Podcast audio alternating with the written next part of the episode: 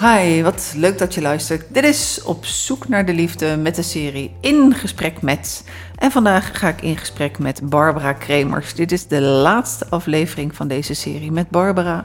En we gaan het hebben over het woord wat al uh, vaak gevallen is, imago. Alles heeft te maken met de liefde en met jouw relatie. Barbara, ik ga je vragen om jezelf voor te stellen, maar op een bijzondere manier. Wat zou jouw man Bas vertellen om jou voor te stellen? Wat denk je? Ik heb een ontzettend complimenteuze man. Nou, oké. Dus wat Bas zou zeggen. misschien een beetje raar om dat zo te zeggen, maar hij zou zeggen: Barbara is gewoon een geweldige vrouw. Ze is hartstikke slim en ze is zo lief. En uh, ze is moedig en ze is heel mooi, zou die ook zeggen. Uh, uh, en ik hou ontzettend veel van haar. Dat is wat hij zou zeggen. Oké, nou leuk. Leuk dat je hem zo ook uh, kan, uh, kan zeggen. Ja. Je bent uh, relatietherapeute. En er zijn inmiddels al honderden stellen door je handen gegaan. Van harte welkom in Den Haag vandaag Dankjewel. voor de vijfde aflevering. Vierde. Nee, de vierde aflevering ja. van onze serie In Gesprek Met. mijn naam is Annette Burgers en ja, ik heb sinds een jaar een relatie met Marco, dus ik weet niet zo stellig wat hij zou zeggen. Hij zou wel doe zeggen. Doe een poging. Ik, ja, ik doe een poging. Dat hij, uh, dat hij me vindt dat, hij, dat ik ontzettend veel uh, energie heb. En uh, dat, ik, dat hij daar wel door wordt aangestoken. Maar ik denk dat hij ook zegt dat ik probeer wat grenzen op te rekken. Ja, dat als we een afspraak hebben, dat ik toch probeer om die uh, afspraak toch wel min of meer naar mijn hand te zetten. Dat ik heel gedreven bezig ben met mijn werk. Dat ik uh, een super oma en uh, een supermoeder ben. En dat we het samen heel erg gezellig hebben. En dat hij hoopt dat we heel lang van elkaar kunnen genieten. En dat hij zich verheugt op onze eerste drie weken samen op avontuur door Noord-Portugal en Noord-Spanje. Oh, wat leuk. Dus nou, dat ging je heel goed af hoor. Dankjewel. Ik moest er wel heel erg over nadenken. Ja. Uh, we gaan het vandaag hebben over uh, gespreksvoering en um, de imagotherapie. Dat je daar iets meer over vertelt. Ja. Ik zou zeggen, wat is imago? Imagotherapie en theorie is iets wat ontwikkeld is door Harvel Hendricks en Helen Hunt, zijn vrouw. Um, daar zijn ze al in de tachtige jaren mee begonnen. En uh, de belangrijkste vraag die zij hadden: hoe komt het eigenlijk dat mensen conflict hebben? En nou ja, dan is de tweede vraag natuurlijk: en hoe kun je daar een oplossing voor vinden? En waar imagotherapie over gaat, is. Die naam komt door, ik heb het al eerder daarover gehad, dat gaat over het beeld, hè, het imago. Het beeld wat je meeneemt vanuit jouw geschiedenis um, over hoe relaties eruit zien. Dus als je geboren wordt, dan ben je een soort onbeschreven blad. En de manier waarop jouw ouders of verzorgers de relatie met jou vormgeven, dat wordt voor jou de blauwdruk van hoe relaties eruit zien. Als je je niet bewust zou worden, zou je voor de rest van je leven die relaties voortzetten, omdat je denkt dat dat is zoals relaties eruit zien. Um, maar de manier waarop jouw ouders je relatie, de relatie met jou hebben vormgegeven, die heeft soms ook wat lastige dingen voor jou gehad. En uh, diezelfde lastige dingen, die kom je ook weer tegen in je liefdesrelatie. Dat is eigenlijk de basis van de theorie. En je, je valt dus op iemand die uh, in meerdere of mindere mate uh, voldoet aan dat beeld. Of waarmee je een relatie kan opbouwen die voldoet aan dat beeld van hoe relaties eruit zien. Van toen jij een klein kind was. Um, dus zij hebben, deze twee mensen, die hebben uh, een methode bedacht. Ze hebben wel overal van geleend, natuurlijk. Maar ze hebben wel een hele goede mix gemaakt. En waar ze van uit zijn gegaan is uh, het idee dat het gaat over de relatie en niet over het individu. Natuurlijk zijn we individuen en hebben we onze eigen verhaal, geschiedenis, behoeftes, verlangens, meningen. Ehm, maar we ontwikkelen onze identiteit aan de hand van de relaties met onze ouders. Dus ehm, eigenlijk zijn wij individuen aan de hand van relaties. Dus dat betekent dat ook de relatietherapie gaat over relatie en niet over twee individuen die met elkaar in relatie zijn. Ik ben de relatietherapeut, niet van de twee mensen die binnenkomen, maar van de relatie. Dus ik zal. De relatie is ook je opdracht. De relatie is mijn opdracht. Dus ik zal uh, nooit partij trekken, helemaal nooit, uh, omdat dat niet ten goede komt aan de relatie. En uh, dat betekent dat je niet met de mensen apart gaat praten. Dus veel mensen zeggen, moeten we niet eerst een keer alleen komen? Nou, als mensen dat heel graag willen, vind ik dat prima, maar ik vind dat nutteloze gesprekken. Want daarna komen ze elkaar toch weer tegen in de relatie. En dan pas komen al die patronen naar boven die zo lastig zijn. En ik denk dat omdat je individu gevormd wordt in relatie, als je een klein kind bent bij je ouders, zul je ook de dingen die je meeneemt vanuit je verleden, die lastig zijn en die ook weer worden aangeraakt of worden uh, een, soort van bevestigd in je volwassen relatie, zul je in de relatie moeten oplossen. Dus om in je eentje naar een therapeut te gaan, uh, omdat je denkt, uh, ik, ik ben de schuldige in de relatie, of het ligt aan mij dat het niet goed gaat in de relatie. Ik denk dat dat niet zo goed helpt wat natuurlijk wel zo is, is dat je partner niet met jou in therapie wil. Dat het heel handig is om dat wel in je eentje uit te zoeken. Hè? Want dan kun je al iets meer verschil bij jullie samenbrengen. Um, ja, dus er wordt, er wordt heel erg vanuit uh, het relationele paradigma gedacht. Om moeilijk woord te zeggen. Dus niet, uh, dit is wat ik wil en ik ben nu in relatie met jou en nu moet jij iets doen. Maar het gaat heel erg juist over wat gebeurt er bij ons in, de, uh, in het omgaan met elkaar en welke patronen komen daar naar boven en waar komt dat vandaan. En de manier waarop ik uh, werk met mensen is dat ik ze met elkaar laat praten. Dus omdat ik denk dat het juist van belang is dat zij elkaar erkennen en met elkaar meevoelen. En uitspreken. Ik snap nu dat dat voor jou zo is, nu je dit verteld hebt. Want, uh, want dat is wat ze mee naar huis nemen. Oh, mijn partner heeft mij echt gezien. En als ze dat doen, dan komt die verbinding in de eerste sessie, is er meteen. Ook al is er vreemdgaan in het spel. Ook al hebben ze vreselijke dingen tegen elkaar gezegd. Dan voelen ze, en dat is ook echt, nou ja, mijn doel voor alle gesprekken, maar zeker voor het eerste gesprek, om ze een andere ervaring te geven dan ze in de laatste tijd met elkaar hebben gehad. Dus daarom zet ik ze in de imago-dialoog. En die is dan ook weer ontwikkeld door dit echtpaar in de tachtige jaren, maar het is ook helemaal verder doorontwikkeld door allerlei geweldige uh, trainers, opleiders, therapeuten die erover hebben meegedacht. Um, en het geeft een structuur aan hoe je met elkaar praat. En het structuur, de structuur is niet het doel. Uh, de structuur staat volledig in dienst van de relatie, maar de structuur geeft vrijheid om helemaal te kunnen zeggen wat er is, omdat het het gesprek heel veilig maakt.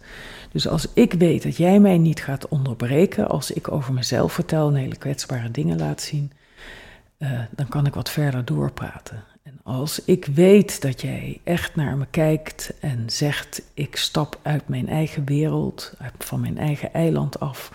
Ik laat alles achter wat van mij is en ik kom op jouw eiland staan om te kijken hoe het in jouw wereld is.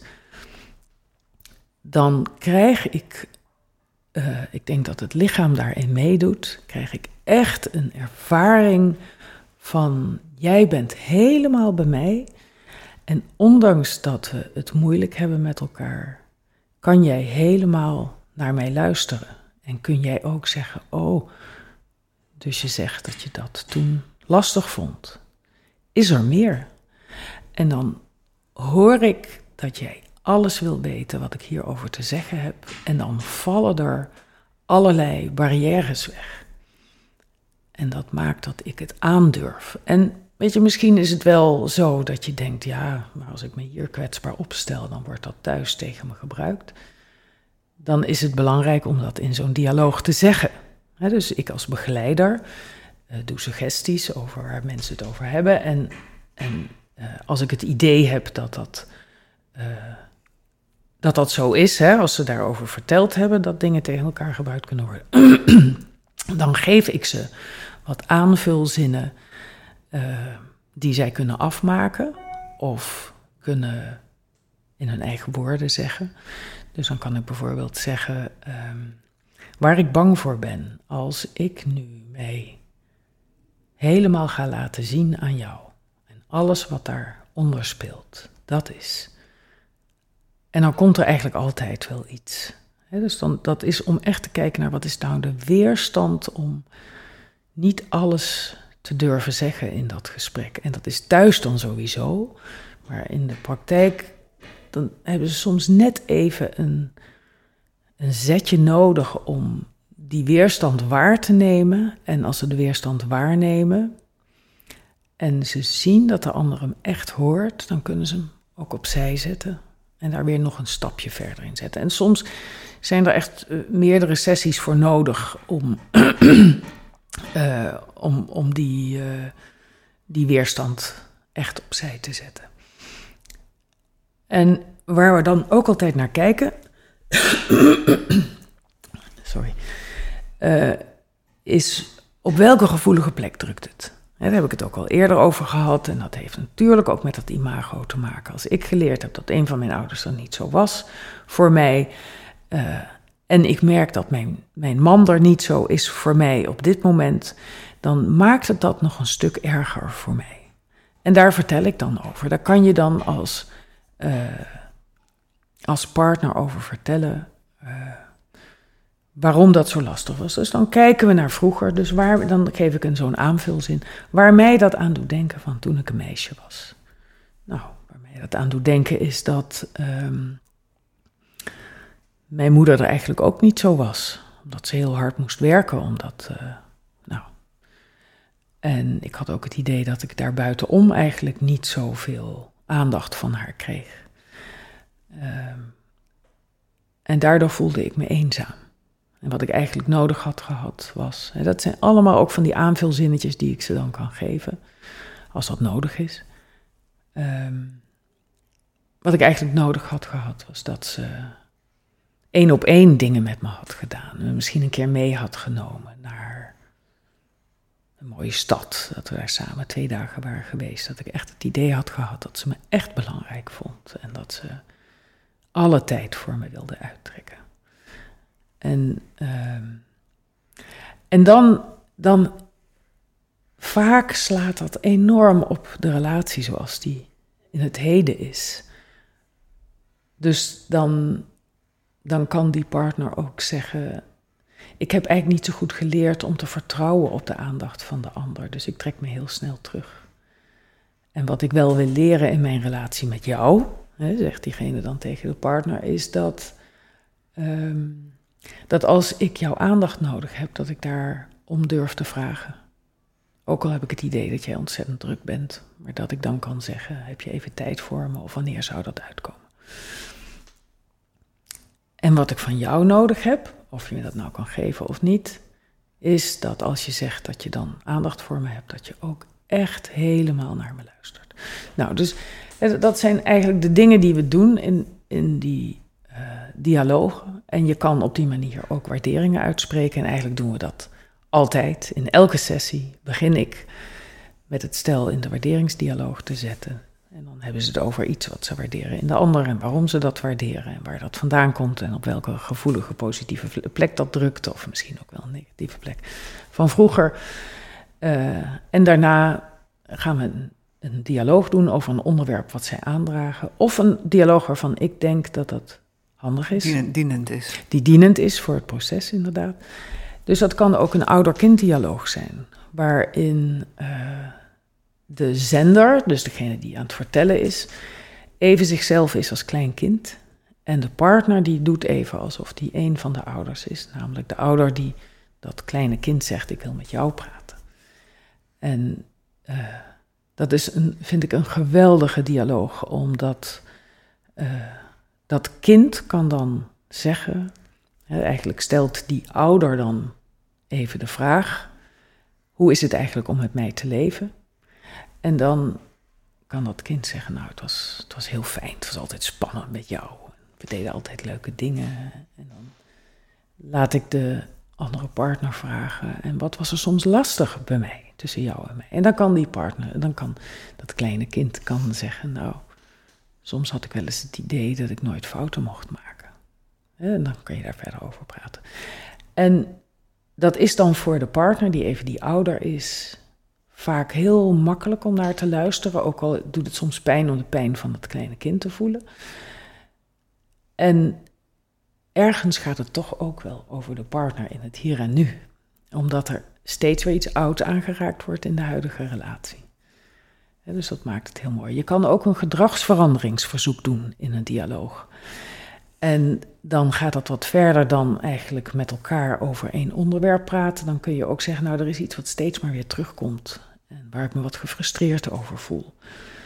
Uh, en waar ook boosheid vaak over is. En dan kun je zeggen, ik zou wel willen dat je iets anders doet. En ik zou dat willen omdat. En dat gaat ook altijd weer over dat kleine meisje, dat kleine jongetje.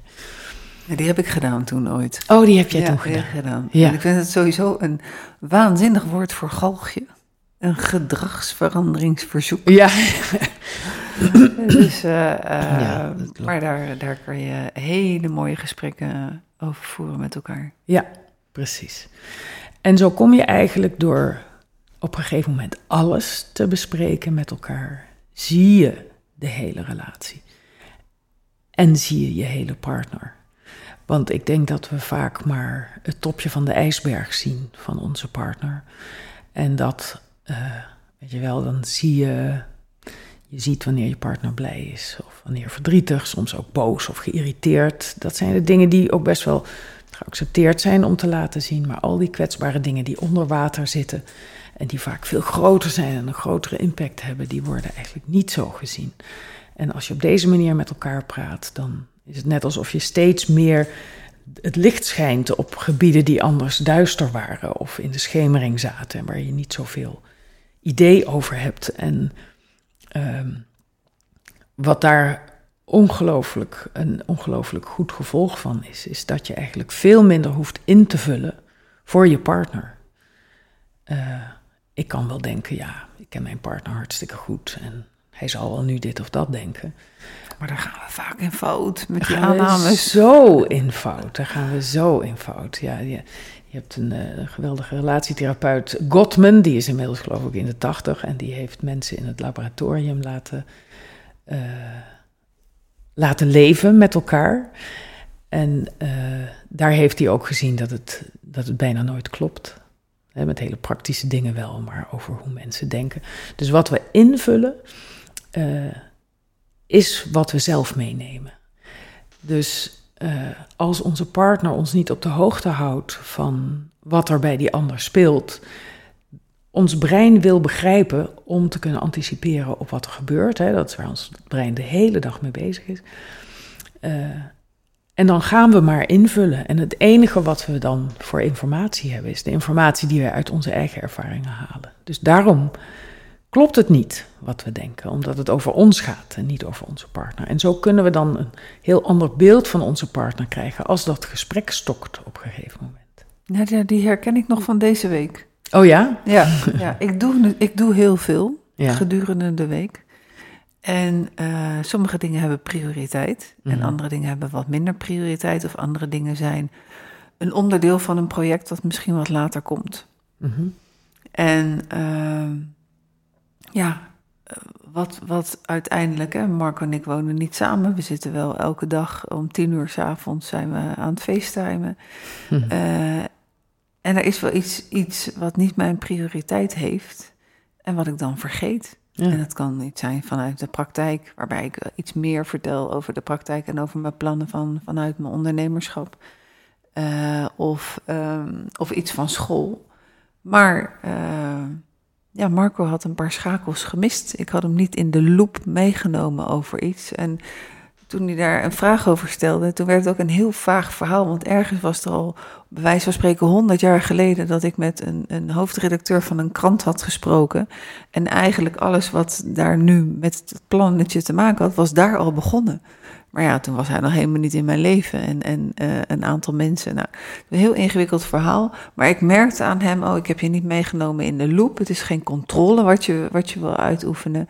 Maar inderdaad, als er straks uh, dat event gaat plaatsvinden, uh, dan heb jij die hele ontwikkeling stapje voor stapje gemist. En het is juist de belangstelling, de interesse, dat je dat wil weten van mij. En met alles wat er in mijn hoofd zit, ik denk niet dat ik ADHD heb, maar soms uh, lijkt het daar wel op met alle plannen en zoveel dingen waar ik mee aan de slag kan gaan. Ja. Dat heb je gemist en je wil graag weten, je wil graag aangesloten blijven. Dus dit, dit is van afgelopen week zeer recent dat ik dat ja. uh, mee heb gemaakt. Ja. ja. precies. En dan is het zo handig als je elkaar op de hoogte houdt. Ja. En ook als de ander op de hoogte gehouden wil worden, hè, door te zeggen: Goh, vertel me wat meer daarover. Ja, dus... En wat, waar het bij mij op drukt is een stukje controle. Oké. Okay. Dus uh, wat ik gewend ben van huis uit. Mijn moeder heeft super veel belangstelling. Maar ik kan me echt voelen van: oké, okay, en wat heb je nu? Waar, waar ben je vandaag? En uh, uh, wie ontmoet je? En al dat soort dingen.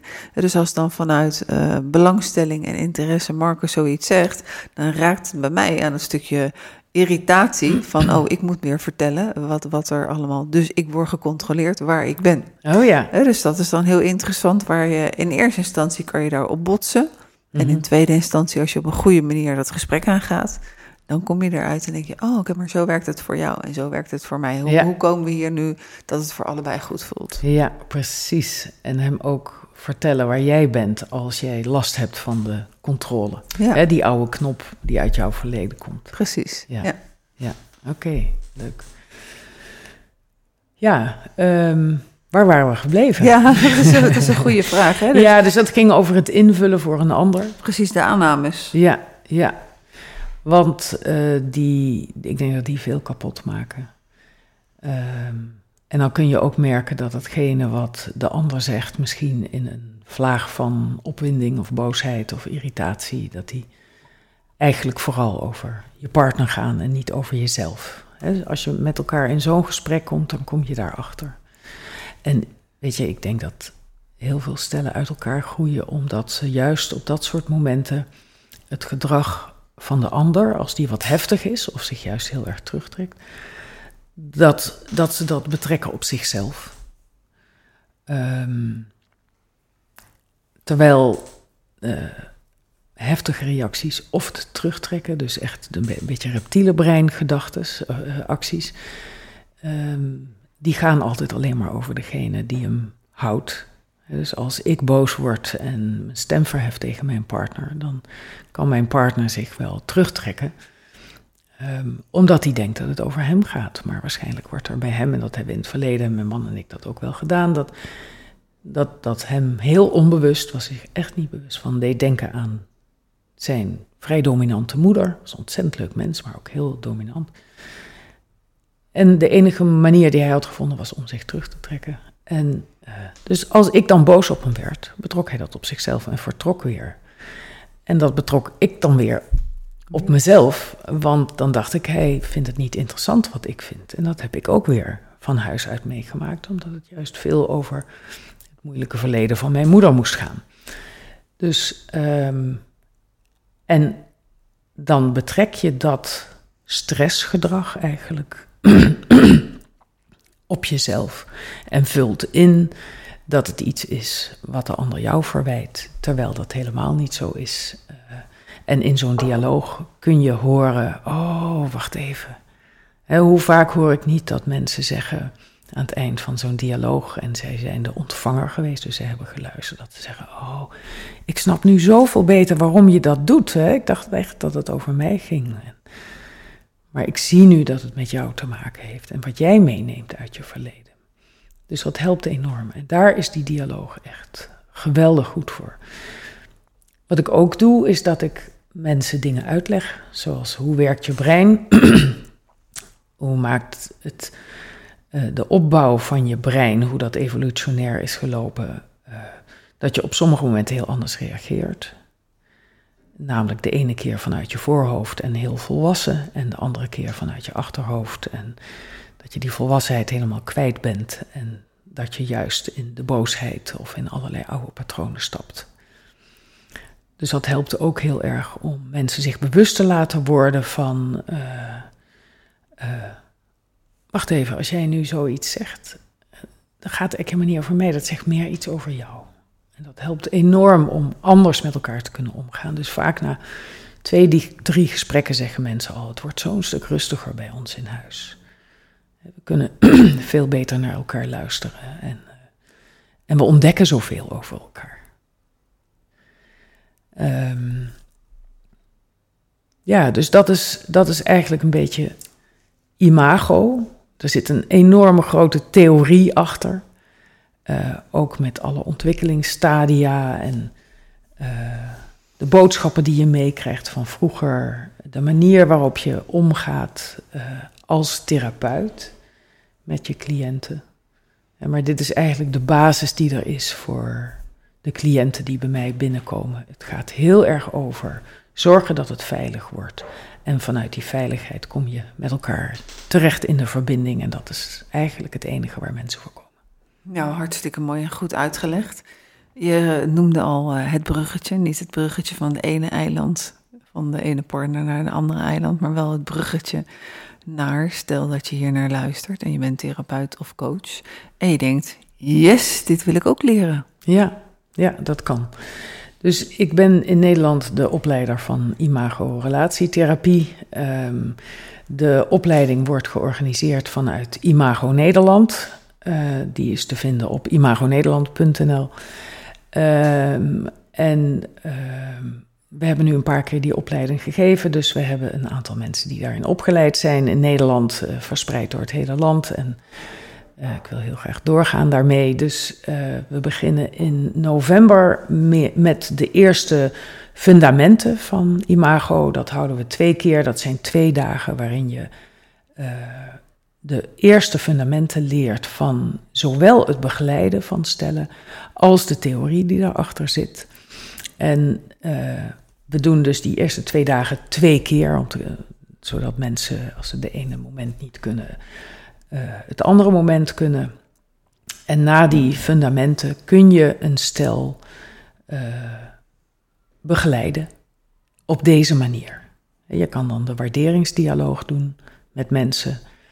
Uh, je kan een eerste sessie met mensen doen. En je kan mensen in de dialoog zetten over welk onderwerp dan ook. Uh, en als je die heel sec doet zoals we die dan aanleren, dan gebeurt er al zo ontzettend veel in stellen. Het vervolg van de opleiding daarna, dit is eigenlijk die fundamenten, is module 1. We hebben vier modules. Uh, dus dan, uh, die begint in eind januari. Um, ik weet het, ik weet het. Ik heb het allemaal opgeschreven. Oh, je hebt het opgeschreven. Ja, oh, wat goed joh. Dan is het uh, 26, 28 januari. 2024. 2024 en daarna gaan we naar 21, 24 maart, mm -hmm. module 3. En daarna gaan we naar 30 tot en met 2 juni voor module 4. Oké, okay, hartstikke goed. ik weet dat er ergens een aanpassing is geweest omdat we... Ja, die, heb ik al verwerkt. Oh, die heb je al verwerkt, ja. want we bleken ja. in het paasweekend te zitten. Ja. Dat is natuurlijk niet zo heel handig. Uh, en op de website is van alles te vinden. Er is net een nieuwe brochure, die is te downloaden ook van, uh, van de website als je, als je klikt op de klinische imago-opleiding. Um, en wat we daarin doen, hè, dus die, na die eerste fundamenten ga je eigenlijk in die volgende drie modules veel dieper in op de, uh, op de theorie. Wat is de theorie die daarachter zit? Je gaat leren hoe je en oefenen met het begeleiden. Dus je begeleidt dan je medestudenten. Uh, daarom zorgen we ook dat we een behoorlijke groep hebben, uh, zodat je echt op verschillende mensen en casussen kunt oefenen. Ehm, we oefenen met werkelijke dingen die daar zijn. Dus soms kunnen mensen wel eens een rollenspel doen, maar wat we het meeste doen is dat je gewoon tegen je medestudent zegt in zo'n opleiding: als je in zo'n oefensetting zit, is één ding wat ik wel lastig vind in als ik met jou omga als medestudent. En dat betekent dat het super direct wordt. dus het gaat ook heel erg over het persoonlijke. En wat we ook doen, waar we heel duidelijk naar kijken, is wat neem jij zelf mee als therapeut? Dus wat kom jij tegen in jouw praktijk als er een stel tegenover jou zit? Wat zijn de knoppen die er worden aangeraakt, net zoals dat in een, elke andere relatie ook zo is? En hoe kun je daarmee juist aan het werk gaan? Uh, ik heb bijvoorbeeld heel erg moeten leren om het niet zo goed te moeten doen. Dat kreeg ik steeds weer in de supervisies die ik had. Werd gezegd, werk niet zo hard. Dus ik moest wat meer achteroverleunen. En dan gaat het er natuurlijk over. Hè? Dus ik heb van vroeger uitgeleerd om heel hard aan de, aan de slag te gaan. te moeten. Ja, omdat dat een manier was om uh, uh, waardering en liefde te krijgen van mijn ouders. Herkenning. Herkenning, ja. En dan kan het zijn dat je op het puntje van je stoel zit en met dat stel aan het werk gaat. En heel erg dit en heel erg dat. En A, word je daar zelf heel gestrest van. En B, word je stel er niet goed van, omdat jij in hun ruimte gaat zitten. En veel te hard aan het werk bent met dingen die eigenlijk niet op hen slaan. Dus je raakt jezelf een beetje kwijt. en ik heb daar ontzettend veel in geleerd. Dus nu als ik merk dat die hele ijverige Barbara weer uh, een beetje naar boven komt, dan geef ik haar in gedachten een stoel. Want ze moet er zijn. Ze heeft me ook gebracht waar ik nu ben. En, uh, maar ik laat er wat op de achtergrond zitten. En dat werkt ontzettend goed. Dus dat bespreken we ook. We doen supervisie tijdens de opleiding. Uh, door, doordat mensen video's gaan opsturen, vinden mensen doodeng. Vond ik de eerste keer ook doodeng in de opleiding om ten overstaan van de rest van de opleiding uh, te laten zien hoe incompetent je bent. Maar gelukkig zijn we allemaal incompetent als we iets nieuws gaan leren. Dus we hebben een geweldig goede manier om daar feedback op te geven. En, uh, en daar ook echt samen in te leren. En dan kunnen mensen, als ze klaar zijn met de opleiding, kunnen ze besluiten om te gaan certificeren. En dat is dan weer een certificeringsproject, eh, eh, traject daarna. En voor het doen van de opleiding is het verplicht om een relatieweekend te volgen, zoals jij dat binnenkort met Marco gaat doen. Um, voor het volgen van de fundamenten is dat niet verplicht, maar wel aangeraden. Omdat je dan eigenlijk veel meer weet hoe het is om het te ondergaan. En als je het ondergaan hebt met je eigen relatie, of als mensen geen relatie hebben of hun partner wil niet mee naar zo'n weekend, uh, kunnen ze ook een collega meenemen of een vriend. Maakt niet uit. Um, want als je weet wat mensen hebben ondergaan, als je weet hoe het is om je kwetsbaar op te moeten stellen, dan kun je ook heel anders mensen faciliteren om zich kwetsbaar op te stellen. Dus dat is ook een ontzettend belangrijk onderdeel van de opleiding. Plus het is natuurlijk altijd fijn uh, dat je met je relatie, uh, dat je partner weet waar je mee bezig bent. Mm -hmm. En dat je zelf ook met je partner dat soort gesprekken kan voeren. Het, het levelt je partner, of je levelt je relatie naar uh, 2.0. Absoluut, absoluut. Dus ik heb alle opleidingen, natuurlijk het relatieweek, maar ook alle opleidingen met mijn man samen gedaan. Um, en dat heeft gemaakt dat ik niet in mijn eentje daarmee bezig was. En uiteindelijk ook dat mijn man uh, ook de therapie in is gegaan. Um, dus mensen kunnen hun partner zelfs meenemen in de hele opleiding. Of alleen maar in de fundamenten van imago. Uh, maar dat brengt ontzettend veel aan je eigen relatie. Ja. Nou, Marco wilde alleen mee naar het weekend en niet verder, maar het is ook helemaal prima. Ja, ja. Wie zeker. weet krijgt hij de smaak ook wel te pakken en dan wordt dat anders, maar. Uh, ja, wie weet. We, we, gaan het zien. Ja. Uh, Barbara, dan heb jij alles gezegd met betrekking tot de opleiding wat je wilde zeggen? Vast niet. Ik ben vast allerlei belangrijke dingen vergeten, maar er is veel te lezen op die website, ook op de website van Relatietherapie Zwolle. Daar heb ik het ook op staan. Uh, dus lees dat nog eens na. En als mensen vragen hebben daarover, kunnen ze me altijd bellen daarover. Ik vind het heel leuk om erover te vertellen, omdat het enorm enthousiast ben over imago en wat het mij brengt en mijn stellen. Zo hebben dus, elkaar ook ontmoet, hè? In feite op die nou, manier. Ja, ja inderdaad. Jou, ja. ja. klopt. Dus uh, bel me uh, en, en ik beantwoord je vragen voor zover ik dat kan. Hartstikke goed. En uh, als ze niet bellen, maar ze gaan naar je website. Wat is de website ook alweer? Kan je hem nog een keer zeggen? www.relatietherapiezwolle.nl oh, Oké, hartstikke goed. En ik weet niet, wil je je telefoonnummer zo slingeren? Of, Oh, die slinger ik best wel. 06 209 65 393. Nog even ter herhaling. 06 209 65 393. Nou, dan gaan we alweer naar het einde. En aan het einde van de vierde aflevering en het einde van de afsluiting van de serie. In gesprek met Barbara Kremers. Dankjewel. Ik vond het echt superleuk om dit te doen. Ook omdat jij zulke goede vragen stelt. Dankjewel. En ik daardoor kan vertellen wat ik zo leuk vind om te vertellen. Dankjewel. Nou, hartstikke graag gedaan. Mijn naam was dus Annette Burgers. En bij mij kan je, mij kan je bereiken op www.youtubecoaching.nl J-U-T-T-U. En... Uh, Deel deze podcastserie, like hem, stuur hem naar vrienden en bekenden. Dan wordt hij goed zichtbaar, wordt er goed naar geluisterd. En dan, ik weet zeker dat er in elke aflevering een tip zit waardoor je verder komt in je relatie en verder komt met je eigen ontwikkeling. Dankjewel voor het luisteren. Volgende week is er weer een andere podcast met een ander onderwerp. Dit was in gesprek met Barbara Kremers. Barbara, dankjewel. En luisteraar, bedankt voor het luisteren. Dankjewel.